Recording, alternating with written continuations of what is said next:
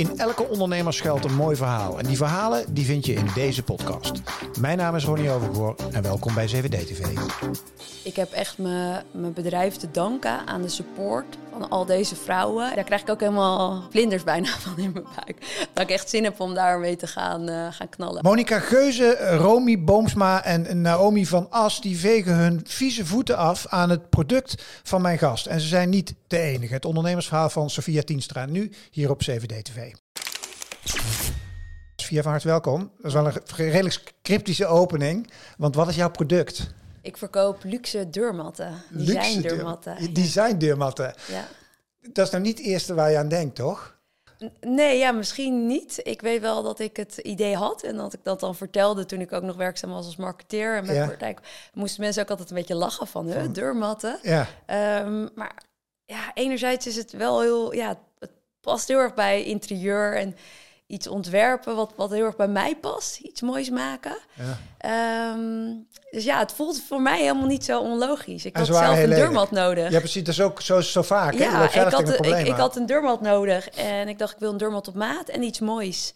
Uh, toen was ik hoogzwanger, waren we net bij uh, verhuisd in Amsterdam naar, naar de begane grond. Ja. En toen dacht ik, dit is er niet. En ik was al zo lang eigenlijk altijd wel met een droom van... ik wil ooit een product gaan verkopen. Maar ja, dan moet je wel iets hebben waar je 100% achter staat. Waar kwam, dat, waar kwam die drang van? Want straks meer over je, zeg maar, je voorgeschiedenis. Ja. Waar, zitten een aantal interessante elementen in, uh, vind ik.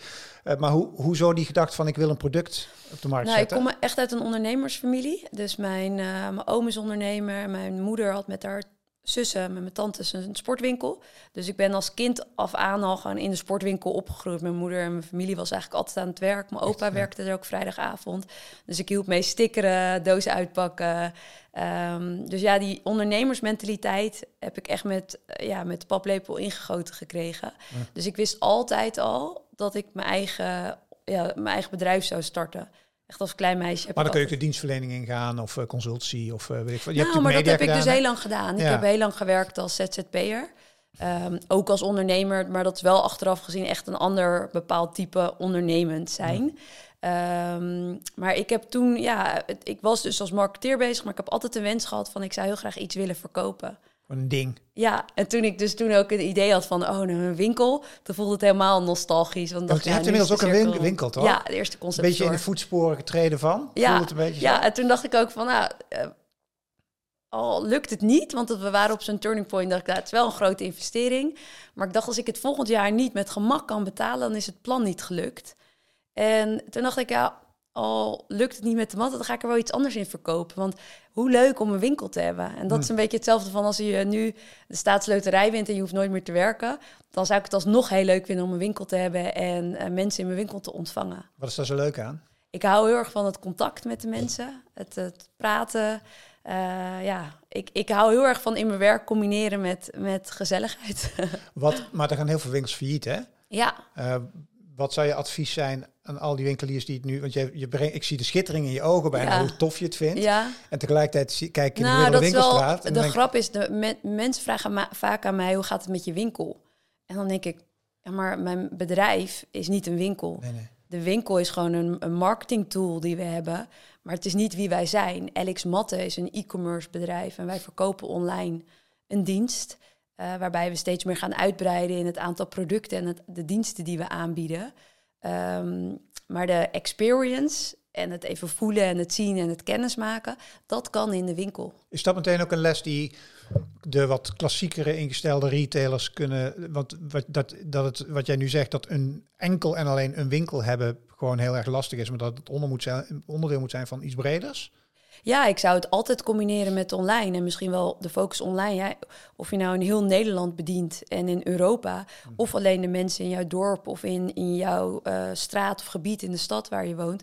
Ja, je kan online veel meer mensen bereiken dan natuurlijk alleen in één fysieke winkel. Ja. Dus ik denk inderdaad dat als je niet het combineert met uh, online, dat het lastiger kan zijn. Maar ik geloof ook wel heel erg in de kracht van de, zeker in een dorp van dat mensen er fijn vinden om naar een plek toe te gaan waar ze hun eerste baby kunnen laten zien. Ja. Of dat ze even een praatje kunnen maken. Ik geloof ook heel erg in, in, in de kracht van het sociale aspect van Mhm. winkels. En ik, misschien is dat dan een, een, een combinatie die je beide moet hebben. Je moet een, Ja. een meerwaarde toevoegen. Ja, is heel lastig om goed geld te verdienen met de. Ik, ik loop wel eens langs van die winkels en dan zie je daar zo'n klein boutique winkeltje waar ze, weet ik veel, chique pasta's verkopen voor een Ja, tientje per ja. stuk. En dat je denkt van je moet de huur betalen. Er staan twee mensen in. En dus als je het echt als geïsoleerd klein winkeltje. Ja, en ik denk dat lastig. dat ook twee verschillende strategieën zijn. Ik heb een bedrijf en ik heb ja, hele grote doelen en internationale ambities. Ook wel eens vermoeiend. Dat ik denk, waarom wil ik nou zo graag? Waarom zou ik niet voldoende hebben met Nederland? Maar dat, dat zit er gewoon in. Maar je kan natuurlijk ook gewoon een winkel hebben. Ja. En als je daarmee je hypotheek en je vaste lasten kan Dan betalen, is dan is dat ook goed. Ja. Dus meer is niet altijd beter. Want de kans Ja. dat je groter investeert en maar blijft investeren en dat het dan misgaat, ja, die kans is dan ook weer groter. Ja. Waar sta je nu met wat LX matten heet het, hè? Ja, LX-matten. LX matten. Dat is iets- met luxe of zo. Ja, het is eh, eh, afgeleid van luxury Eh, dus dat is een beetje die knipoog eh, naar LX. En ik wilde een korte, sterke, duidelijke merknaam. Wat houden they uh, pronounce het uh, matten in English? Voor. Matt. Heb je al, Ehm, want je hebt over ambities en ja. internationaal. Er zijn, Ja. er zitten natuurlijk twee beperkingen aan die namen. Eén, het is super Hollands. En twee, het zijn matten. Nou, ik heb bewust ook daarover nagedacht aan het begin. Toen dacht ik, ik heb ook Paul Spotten natuurlijk, een supermooi Nederlands merk die internationaal ook verkoopt. En ik vind het juist aan Ikea bijvoorbeeld heel erg leuk dat je al die Zweedse namen eh, eh, terugziet. Dus het, is niet, het hoeft niet voor de Duitse markt eh, dezelfde titel te zijn. Uh, maar ik heb nu toevallig ben ik bezig met een tweede bedrijf. En uh, die titel heb ik wel meteen internationaal ingestoken. Want mijn, in de eerste week dat ik live ging met mijn website, had ik nog niet die internationale ambities zoals Nee. ik dat nu heb. En wat is, die nieuwe, wat is dat nieuwe Daar initiatief? kan ik nog niks over vertellen.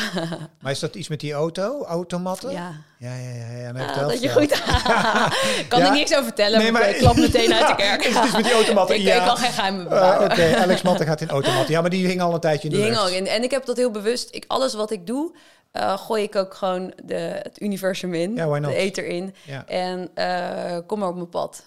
Ehm, en nog even over die namen, daarna meer over het bedrijf hoor. Maar het, het, ehm, want is het een beperking dat het... eh, ik weet nog dat ik ooit eh, sprak Jeff Bezos, toen nog een wat kleiner ondernemer, dat Ja. hij bewust niet voor Books.com had gekozen, maar voor Amazon. Ja. Omdat hij toen al de ambitie had om veel breder Ja. te gaan dan alleen maar boeken. Eh, dat, dat is natuurlijk ook een nadeel van de naam Matten, toch? Heb ik ook over, na, heb ik ook over nagedacht van, wil ik uitbreiden? Want ik kan echt, dan zie ik gordijnen en denk, oh, fantastisch. Ja. Ik, ja, ik, ik zie overal handel ook wel in, maar ook qua inspiratie. Maar ik heb met matten wel gekozen voor flooring, in het breedste zin van het woord vloerbedekking. En ik denk dat het wel heel erg belangrijk is dat ik een niche behoud. Want als je een lifestyle merk wordt, ga je concurreren tegen zoveel partijen. En ik denk dat het juist wel echt de kracht wordt van ons bedrijf. Dat we juist één niche kiezen en daar niet van afwijken. Dus heb daar de keuze in gemaakt. En als ik dan wel de ambitie zou hebben om meer met interieur te doen, dan moet ik daar gewoon weer een ander huisje op gaan, uh, Ja, gaan dan los je dat ook wel weer op, als dat zo Ja. zou zijn. Ja. Waar sta je nu met Alex Matten? Kun je iets vertellen over, weet ik veel, cijfers? Maar niet uit welke hoor, maar gewoon Ja, een nee, idee ik te vind krijgen. dat zelf altijd eh, eh, lastig. in hoeverre je wil, wat je wil delen. En, ehm, eh, maar ik kan zeggen dat we, we zijn, als je nagaat dat het eerste jaar zijn we gestart, najaar van 2021. Nou, dat telt, dat zijn twee, drie maanden. Mhm. Dus als ik januari eh, tot van 2023, 22 naar 23 vergelijk, Ja, zijn we keer drie gegroeid ja. afgelopen eh, jaar. Kun je ervan leven?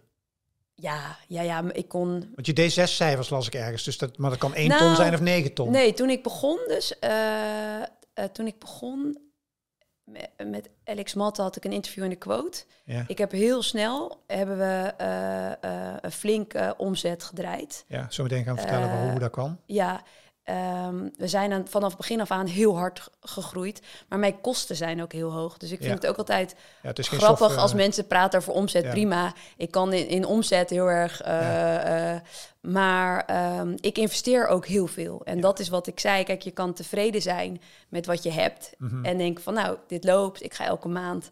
eh, blijf ik werken, maar we blijven klein. Maar op dit moment, alles wat ik verdien, investeer ik terug in het bedrijf. Dus ik kan ervan leven, ik haal er een percentage uit. Zeker ook om de gelijkwaardigheid met, me, met mijn partner te behouden, want dat vind ik heel erg belangrijk. Wie is je partner? Mijn vriend. Dat is ook je Oh, partner? nee, dat, niet me, eh, dat is mijn vriend. Gewoon Dus je, ja, dus gewoon, Het is je niet bedoelt- zakelijk partner. Nee. Ehm, ehm, maar het is, het, mijn focus met Alex Matten zit op, op de groei. Dus alle omzet eh, en de winst probeer ik zoveel mogelijk weer te herinvesteren. Waar verkoop je? Buiten Nederland? Verkoop je, Eh, verkoop je in het buitenland? Eigenlijk overal in het buitenland. Van, eh, van Zweden tot Noorwegen, Duitsland, België, Frankrijk, Spanje. En wat, hoeveel, heb je mensen in dienst? Ja, ik heb Zelf in dienst of ja, ja, freelancers? ja, nee, of- ik heb drie mensen vast in dienst, Ja? in loondienst. En wij werken vooral heel veel met freelancers. je hebt een werk kantoortje? Met, ja, Of ik zit dat bij die winkel? ja, zit achter bij de winkel. Oké. En we, ik En werk heel distributie, graag. heb je dat uitbesteed of doe je Ja, het zelf? de hele distributie hebben we bij, eh, bij een producent. Oké. En ehm, verzorging, of bezorging, dat doen we deels ook zelf, deels met de producent. Oké. En, daar en daar sla je het ook op? Zeg maar, de, de matten die nog verkocht moeten worden, waar liggen die? Nee, wij, alles maken wij custom made. Ah, ja, ja. En daarom kunnen we ook zo'n breed assortiment aanbieden in verschillende designs en maatvoeringen. Ah, dus het wordt pas gemaakt op basis van de bestellingen. Ja, en ja hoe lang duurt maar dat we, gaan nu, we hebben nu een levertijd tussen de twee en vier weken. Ja. Meestal redden we rond de twee weken. Eh, maar nu met de kerstvakantie is iedereen een weekje dicht. Dan ben ik heel blij dat ik die vier weken de slag onder de arm eh, heb. Omdat je natuurlijk ook krijgt dat de kerst is al drukke tijd met Ja. bezorging. Uh, doe je helemaal geen voorraad. Nee, nog niet. Want de e-commerce, ik Nou, ben heel we. ongeduldig. Als ik dan zo'n toffe mat zie. Ja, nou, daar zijn we dus mee bezig. Want ik sprak ook even met de kerst een ondernemersvriend. En die zei ook, je moet, gaan, eh, je moet zorgen dat je sneller wordt. En Nou, zei, het, het raakt mij meteen aan de oude wereld, waarbij ik nooit kon geloven dat je dan bij een, nou laat ik maar een soort noemen, de matrassenwinkel kwam. En dat Ja. ze dan met droge ogen zeiden van, en over 16 weken heeft u hem. En dat je dan denkt gast, ja, maar doe alsnog... normaal. Ik, ik bedoel, met mijn bank wacht ik nu twee maanden. Ja. Met mijn tafels heb ik bij een, een, een designbedrijf Ja. een half jaar gewacht. Dus het is niet gek om, om iets moois, wat uniek, custom made voor jou gemaakt En wordt, dan is twee weken even te wachten. Dan is twee weken, vind ik, best wel snel. En ik moet ook vaak aan de klant leren van, hè, wij zijn geen bol.com, we zijn geen Zalando. We zijn een klein startend bedrijf Ja? die heel hard werkt en nog heel veel handmatig eh, doen. En we zijn daar op dit moment voor aankomend jaar echt de doelen voor automatisering. Dus we gaan het allemaal nog efficiënter aanpakken. Zijn we nu met de nieuwe webshop, met de nieuwe webshop ook bezig om dat nog beter, eh, ja, zo, zo min mogelijk handen eigenlijk wil je Ja, erbij. Zo geautomatiseerd mogelijk. Eh, ja, ehm, dus daar zijn we mee bezig om dat te versnellen. En ook om te gaan investeren in assortiment en de nieuwe producten die ik aan het ontwikkelen ben op dit moment. We zijn nu vol bezig met nieuwe designs voor allemaal nieuwe type vloerbedekking in de breedste zin van het matten. woord. Eh, en andere type, andere type matten. Ehm, en daar ga ik wel snel, sneller straks eh, kunnen leveren. Ja. Ik zei in het begin uh, gekscherend uh, dat uh, drie welbekende uh, Monica, Ge Monica Geuze, Romy Boomsma, de vrouw slash vriendin, weet ik niet, vrouw vriendin van Arie? Ja, vrouw van vrouw Arie. Van Arie. Ja. en Arie is ook hier geweest. En Naomi van As. Hoe belangrijk zijn dat soort bekende influencers, hoe ze ook noemen, geweest bij de lancering van je product? Ontzettend belangrijk. Ik zeg ook, ik heb echt mijn bedrijf te danken aan de support van al deze vrouwen en nog veel meer uh, grote influencers.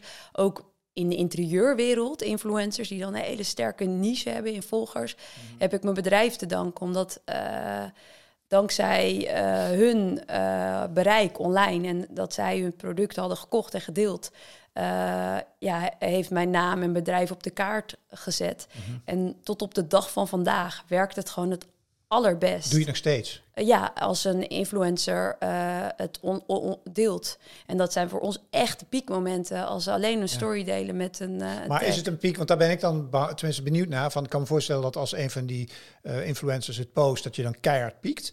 Maar dan is het dan niet zo dat je daarna weer terugkomt. Stel, je verkoopt, nee, want, even, je verkoopt ja, er vijf. Ja. En dan met een piek verkoop je er in één keer 500. Maar zak je dan niet weer terug naar vijf daarna? Nee, of nee, nee. Groei je we, dan nee, we groeien tot, als ik dan nu terugreflecteer naar het laatste kwartaal, groeien we elk kwartaal. We groeien nog per week hebben we af en toe een, een piekomzet. Dus dat mm -hmm. zit er dan wel in. Uh, dus de, de, pieken zitten in de weekomzetten. Wij, wij kijken eigenlijk altijd per, per week. Uh, maar de groei zit erin per maand, per kwartaal. Ja. Dus dan zie je wel dat je het dus opbouwt. Want je bereik dat zie je ook op social media. Je community wordt ook groter. Dus de bezoekersaantallen per dag zijn ongeveer hetzelfde. En als er een piek is, is het bijna dubbel zoveel. Is dat je enige marketing die je doet, influencer marketing? Uh, nee, we hebben, uh, ik investeer ook veel in Google SEO. Uh, eh, en ik moet zeggen, dat doe ik echt met, soms met pijn in mijn hart, want het is minder makkelijk te meten. Omdat je weet niet wie ons al heeft gezien online en dan googelt en dan kan kiezen tussen gewoon ons normale domeinnaam of de, de, de, de paid click. ja, ja. Um, uh, maar sinds we dus uh, zijn in gaan zetten op Google, dat is afgelopen februari zijn we daarmee gestart, heb ik ook een freelancer voor die dat voor ons beheert. Uh, sindsdien is die groei echt rigoureus harder gegaan. Dus ik moet ook zeggen, dus ik denk dat dat ook een mooie combinatie is van de influencers, het bereik, de branding en het um, vertrouwen die je erdoor krijgt. Gewoon het, de ja, de testimonial in de mhm. oudste traditionele zin van het woord. Iemand die je product aanraadt uh, of deelt die het zelf heeft, um, gecombineerd met ads, goede vindbaarheid. Uh, maar wij kunnen op best wel veel vlakken ons nog verbeteren met SEO. Daar gaan we met de nieuwe webshop ook ons helemaal op focussen.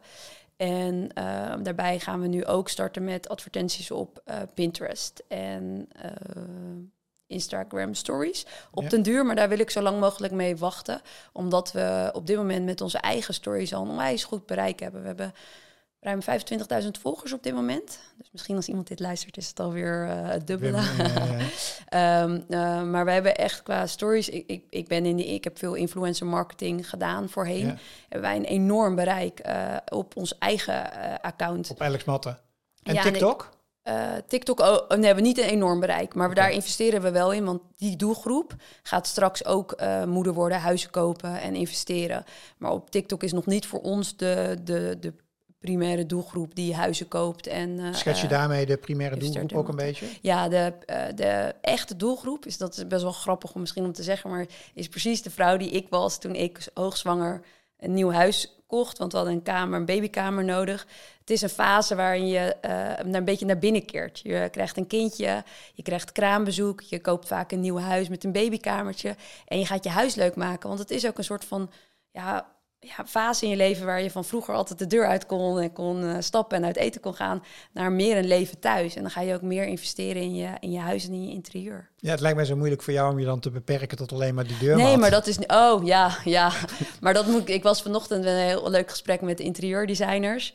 En dan ben ik ook aan het brainstormen. En dan zeg ik ook tegen hun van kaarsen tot aan gordijnen, banken. Dat is lastig als ondernemer, hè? Ja, er zijn zoveel leuke dingen, zeker als creatief. Want ik ben deels een ondernemer, maar dat is ook altijd mijn bedrijf eigenlijk geweest... om mee te denken voor andere mensen. Mhm. Wat doe jij? Oh, is mhm. dat niet leuk? Wil je dat niet inzetten? En dat is eigenlijk altijd mijn werk geweest... om mee te denken met andere mensen hoe ze meer kunnen verkopen. Mhm. Maar automatten worden dus een belangrijke extensie. Naast de, de ja. Ja, ja. Dus dat, uh, ja, daar geloof ik ook, daar krijg ik ook helemaal uh, vlinders bijna van in mijn buik. dat ik echt zin heb om daarmee te gaan, uh, gaan knallen. Maar ga je dan deal maken met een merk of ga je het allemaal zelf één op één? Nee, dat, ik heb dat eerst over nagedacht. Toen dacht ik het zonde eigenlijk om het te beperken met één automerk. Ja. Als je er veel meer kan dienen. Dus toen dacht ik, nee, dat ga ik niet doen. Misschien in de toekomst ooit een keer een, een collaboration zou leuk zijn. Maar het is zonde eigenlijk om um, daar, ja, je daarin te beperken. Um, dus we zijn nu bezig aan het kijken voor de, de webshop. Die zijn we nu, uh, heb ik toevallig morgenmiddag een uh, afspraak over, om dat uh, op te gaan zetten. En ik ben dus heel erg be bezig op dit moment met nieuwe designs. Dus ik ga ook donderdag naar Parijs toe, naar een interieurbeurs. En heb ik ook met een designer afgesproken. En ik ben nu vooral ook heel erg inspiratie aan het opdoen. Dus het is soms lastig, je twee petten op in je bedrijf. Je bent deels ja, uh, financieel, uh, strategisch. Vanochtend een contract getekend voor een Duits PR-bureau. Dus je maakt stappen, je, je plant budgetten. Maar anderzijds ben je ook te creatief. En dan moet je ook een beetje naar de chaos, de eh, inspiratie overal halen. Waar ik ook ben, maak ik foto's. Op Instagram, als ik dingetjes zie, knip ik dingen uit. Maak ik screenshots, knip ik plaatjes uit. En dat bewaar ik allemaal. Stel dat je nu moet kiezen welke rol zou je dan willen houden? Moet er eentje moet je loslaten? Oh nee, ik zou heel graag de, um, het financiële en het strategische en het ook het management van het team straks kunnen overlaten aan iemand die die pet draagt, zodat ik mezelf kan focussen op, op het creatieve. Want dat mhm. is ik, toen ik, ja, toen ik eh, een klein meisje was, was ik altijd al aan het tekenen. En had ik hele kleurboek vol met mijn eigen kledingcollecties. Uh, met de mode van 2020, 2000 of zo tekende ik dan toen al. Um, dus ik ben altijd al ja, graag aan het tekenen en het ontwerpen. Vond ik wel leuk, want uh, ik las ergens dat het, uh, je onderwijspad zeg maar niet ideaal was. Of in ieder geval dat je in groep ja. 8 naar VMBO werd gestuurd, ja. tot jouw verrassing. Ja. en je ambitie was universiteit. Ja. Um, toen dacht ik, hm, waarom eigenlijk of zo? We hebben natuurlijk ook heel veel discussie nu over, hè, waar is universiteit per definitie dan beter of beter? Ja, en, maar en, ik zeg nu als ik naar jou luister, denk ik van, ja, met je creatieve geest en zo, wie weet was praktisch en gewoon met je creativiteit aan de bak een veel interessantere route dan, dan ja. een beetje de saaie nou. Ik heb daar een heel grappig antwoord op, want niemand in mijn familie heeft uh, universiteit gedaan. Dus het was echt het laatste wat werd gepoest. Ja. Mijn moeder zei zelfs toen ik HBO had gedaan en naar de universiteit wilde, van oh, wil je niet liever gaan lekker gaan werken? Precies. Um, maar ik denk dat dat ik weet ook, ja, het klinkt misschien stom. Ik keek vroeger heel vaak naar Oprah Winfrey. en daar werd altijd college en university werd altijd heel erg. Uh, en dan waren er scholarships. En ik denk dat dat me iets getriggerd het heeft. Het wereldje, of wat? Nee, nee dat Op. ik dacht van als ik dus iets wil bereiken. Dat stond voor Dus als ik, ja, dus als ik het in mijn eentje iets wil creëren en maken. en het leven wil leiden van zoals ik zie van mensen op televisie dan moet ik universiteit gaan doen. Dus ik denk dat ik ben opgegroeid alleen met mijn moeder en mijn zusje. Dus al jong, uh, ja, word je dan wel iets realistischer opgevoed dan misschien als je een zorgeloze jeugd hebt in een gezin waar alles komt aanwaaien. Je vader was weg? Of? Ja, op jonge leeftijd al weinig contact mee en later uh, helemaal niet meer. Okay. Um, dus dan ben je al heel jong bewust van ik moet het in mijn eentje zien te redden. En ik heb denk ik daarom altijd de universiteit als een soort van doel gezien. Als ik universiteit heb gedaan, dan komt het goed. Dan heb ik in ieder geval een basis en ja. kan ik het altijd in mijn eentje redden. En was dat ook zo? Ja, ik ben heel dankbaar dat ik naar de universiteit ben gegaan. Omdat het me um, echt, ja, dat klinkt heel gek, maar wetenschappelijk heeft leren denken. En het is een andere manier van leren geweest. Dus op HBO kon ik heel goed rijtjes uit mijn hoofd leren. Ik heb um, ik heb niet een hele brede maatschappelijke kennis, dus ook qua topografie of mm -hmm. bepaalde geschiedenis. Mm -hmm. Of dat, dat, ja, dat, dat, daardoor voelde ik me vroeger wel eens dom. Mm -hmm. um, maar ik kan heel goed leren. Dus ik kan heel goed dingen onthouden. Dus voor mij was uh, de middelbare school bijna lastiger met al die verschillende vakken dan dat ik ging naar HBO ging of universiteit. Omdat ik goed verhalen kan leren en op universiteit leerde ik niet alleen dingetjes leren, maar ook verbanden leggen. Dus ik leerde analytisch denken. En dat heeft echt me, ja, me anders leren denken. Veelzijdig mens ben je dan? Ja, nou ja, ja ik denk een combinatie van praktisch ja. en, en het is eigenlijk ook de twee petten van het, het creatief kunnen zijn en willen zijn, lekker tekenen. En uh, als ik straks mijn dochtertje uit de school haal, had ik ook gezegd, nou, dan gaan we tapijten tekenen. Omdat ik dan voor mijn nieuwe huis dat leuk vind om dan met de kleuren met wie ik bezig ben al dingetjes uit te tekenen. Uh, maar anderzijds ja, ben je vanochtend weer uh, met strategische pet op en financiële pet dingetjes aan het uitzoeken. Spreadsheets doornemen. Ja. ja. ja. Um, wat heb je geleerd van de... Even, we gaan hem eens even mee afsluiten, maar een paar vragen die ik je nog wil stellen. Uh, je hebt in het begin van je carrière heb je in de mediawereld gezeten. Je ja. hebt bij de, de Voice, wat nu ja. een behoorlijk besmet uh, format is. Ja. Ik hoop dat jij niet verkeerd behandeld bent. nee, nee ik heb echt alleen maar echt onwijs leuke ervaringen. Uh, ja. wat, wat heb jij meegenomen uit die tijd? Want je, bent, je hebt zelfs prestatiewerk gedaan. dagvoorzitterschap. Je, dagvoorzitterschap, doe maar. wat heb je er allemaal van geleerd? Wat heb je daarvan meegenomen? Um, ja, ik denk dat wat ik het meest heb geleerd al van mijn bijbaantjes. Ik heb altijd tijdens mijn studie altijd gewerkt. Wat is een doorbitch? Uh, als uh, als, uh, als doorbitch, inderdaad. Als hostess bij Nachtclub, Jimmy Woo. Oh, dat, dat noem je een doorbitch? Doorbitch, ja. En dan stond ja. ik voor de deur en dan bepaalde ik of je wel of niet ah, binnenkwam. Okay. Um, maar dat is ook heftig, weet je. Ja. Dan heb je ook criminelen die je moet weigeren. Ja. Dus ik ben daar heel erg door ontwikkeld in die fase. Dat heeft me echt psychologisch, hoe je met mensen om moet gaan. Streetwise. Hoe je mensen met niveau... of, of ja, op niveau kan weigeren zonder dat ze boos worden. Uh, psychologie om met iemand te checken of ze naar binnen mogen zonder ze te checken. Zonder ze te judgen? ja. Ja. En daar een combinatie in te vinden, nou, dat is achteraf echt een supergoede leerschool. Dus ik ga ook echt, als mijn dochter de stad in gaat, zeg ik, huppakee, hier, naar, naar die en die nachtclub. Ik ken genoeg jongens die nu eh, in het horeca leven, eh, restaurants of clubs hebben. Ga maar werken en ervaring opdoen en met mensen omgaan. Dus aan hostesswerk heb ik heel veel eh, eh, ja, mensenervaring opgedaan. Ehm, maar mijn netwerk in de media, dat is vooral mijn netwerk heel erg waardevol geweest. Want natuurlijk is het ook de ervaring die je opdoet met social media. Dat zegt mijn eh, vriend ook wel eens. Je hebt die 10 Tower Hour Rule. 10.000 hour, ja, Sorry, precies. mijn Engels ja. is echt... Ja, nee, nee, 10.000 10 hour, ja, dat is met social media. Ik, ik was al heel actief toen ik 16 was op CU2. Eh, op MSN had ik al uitgespeeld. Toen kwam Hives. Nou, daar zat ik echt dag en nacht op. Eh, En toen eh, kwam Instagram. Nou, was ik ook een van de eerste in 2012. Ja, die je toen downloaden als gekke app uit Amerika waar je filters kon doen. Ja. Als je ergens heel veel tijd en uren in steekt, word je expert. Yep. En hoe sneller je doet, hoe sneller je expert Ja, en, en ik vind het ook leuk. Dus ook YouTube. Ik ging toen voor prenatal en bol.com en stokken video's maken. Ja, dan ben ik ook gemotiveerd en dan wil ik alles weten hoe YouTube werkt.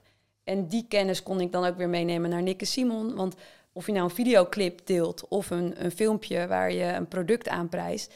De, het principe van je titel, je thumbnail, eh, eh, de, de, eh, de, de magie van het algoritme. Als je die snapt, dan maakt het niet uit wat je verkoopt. En dat is hetzelfde met storytelling en branding.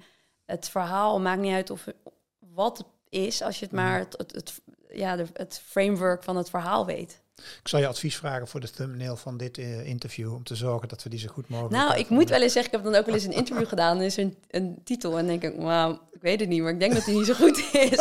Om bijvoorbeeld dat ik denk van, je, je, ik heb ook wel namelijk eh, vlogs geüpload voor prenatal. En had ik eerst, toen ik dat nog niet helemaal door had, had ik een titel. Toen dacht ik later, een paar maanden later, dacht ik, oh nee, deze titel is slecht. En dan veranderde ik de titel. Nou, volgens mij, dit heb ik nog nooit in mijn leven meegemaakt. Nou, en toen binnen twee weken hadden we gewoon wel 10.000 views meer erbij. Ja. Omdat die dan op, opeens weer wordt opgepakt. Ja. Eh, het is nu 2024, hè? Ja, Ja, hoe ver denk jij vooruit? Ehm, op dit moment heb ik ehm, voor EY, ik zit bij Ernst Young in hun Winning Woman program, ben ik toegelaten. Wat voor mij echt een eer is. We zijn in eh, oktober met elkaar bijeengekomen in Londen. We hebben allemaal cursussen en ja, trainingen gekregen. En alle vrouwen bij elkaar zitten we ook in een groepsapp wereldwijd. Eh, en dan heb je een groep wereldwijd en je zit dus in je eigen jaar. Ehm, en ik heb nu weer een sessie met hen en dan moest ik een vijfjarenplan maken. Ehm, wat heel interessant is op zeven onderwerpen. Dus ik heb echt de afgelopen week de tijd voor genomen. En dat is ook wel weer goed dat iemand je daartoe dwingt. Want normaal ga je gewoon door. En dan neem je niet uit jezelf snel de tijd om heel even afstand te nemen en naar alles te reflecteren. Dus ik heb me nu een heel mooi vijfjarenplan gemaakt. En dat ik af was en dat ik ook echt dacht, ja, dit is een mooi vooruitzicht. En wat ik zelf heel erg heb, ook in een fase met nog twee kleintjes. Ehm, waarvan ik ook zie dat de tijd zo extreem hard gaat. En zeker nu net verhuisd, mijn kindje naar nieuwe school. Ik wil haar gewoon vanmiddag uit school ophalen. En ik kies daar bewust ook voor dat ik, ik werk heel hard, s'avonds door, in de weekenden vaak ook. Ehm, die kinderen voelen dat en zien dat ook echt van, oh mama werkt veel en die weet het. Maar ik ben er wel voor mijn gevoel op de momenten dat ik er moet zijn. En het voelt voor mij ook een luxe dat ik die ruimte heb. Dus zal ik daardoor iets minder hard gaan en iets minder snel dan ik zou kunnen. Want we gaan al hartstikke eh, goed, maar ik zou, ja, dat, dan, dan kies ik er toch voor om dus de, te gaan voor de marathon in plaats van voor de sprint. Omdat ik daarmee ook wel de rust creëer die mijn gezin ook nodig heeft. Want je runt een gezin ook samen. En het, het is niet alleen de kinderen ophalen. Het is ook de zwemles regelen. Het zijn de hemdjes kopen, nieuwe sokken waar ze uitgroeien, nieuwe schoenen. Het is wel de was.